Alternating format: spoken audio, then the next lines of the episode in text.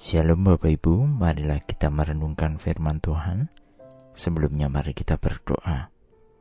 Tuhan kami hendak merenungkan firman-Mu. Roh Kudus pimpinlah kami.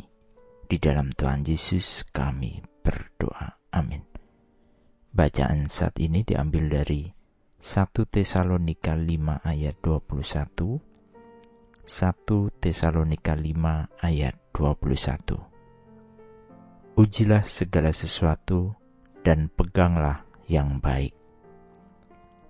Perkembangan informasi sangatlah cepat. Saat ini kita dengan mudah menerima berita bahkan bisa dikatakan tanpa filter atau tanpa disaring. Bahkan kantor berita resmi pun bisa dikatakan kalah cepat dibandingkan dengan informasi yang dibagikan oleh masyarakat secara langsung melalui kanal media sosial. Walaupun kita tahu itu semua tanpa menggunakan kaidah jurnalistik yang benar. Tetapi informasi itu bisa saja mendapatkan atensi yang besar dari yang melihat atau mendengarnya, yang istilahnya saat ini adalah konten yang viral. Informasi yang benar adalah dihasilkan dari pengolahan data yang kemudian dikemas menjadi sesuatu yang bermakna bagi yang menerimanya. Sayangnya, saat-saat ini semuanya mulai kehilangan nilai dan bobotnya, bahkan lebih kepada menggiring opini sesuai yang menyampaikannya. Bisa jadi informasi ini berbahaya jika yang menerimanya kurang bijak dalam menanggapinya. Bacaan saat ini mengingatkan kita untuk menguji segala sesuatu dan berpegang pada hal yang baik. Bagian ini adalah nasihat Paulus kepada jemaat di Tesalonika, khususnya dalam hal menerima informasi berupa pengajaran dan pesan Tuhan. Orang percaya harus menguji pesan yang mereka dengar dengan firman Tuhan.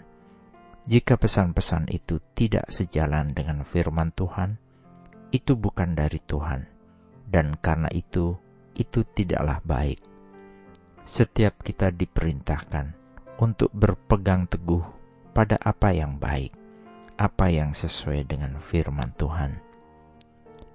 Untuk dapat mengetahui yang baik, maka kita hendaknya bertekun, memegang erat dan teguh firman Tuhan itu sendiri kita memiliki waktu khusus dalam menggumuli firman Tuhan setiap waktunya. Gambaran ini adalah seperti perlengkapan senjata Allah yang senantiasa kita kenakan.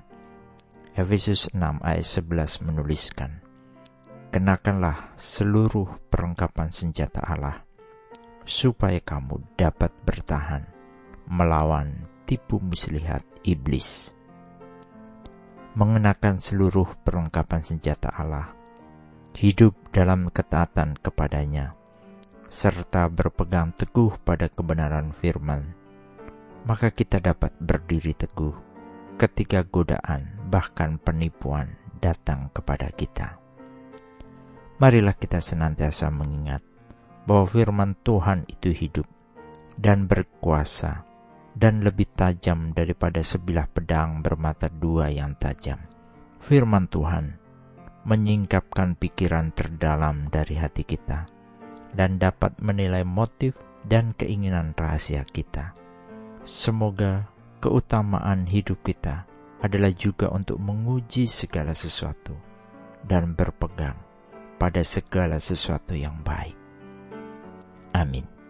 Mari kita berdoa. Bapa Surgawi sungguh kami bersyukur karena kami boleh mengenal Tuhan dan mempelajari firman-Mu. Tolong kiranya Tuhan memeriksa hati kami, agar kami mampu menguji segala sesuatu dan melakukan yang baik, seperti yang Tuhan inginkan.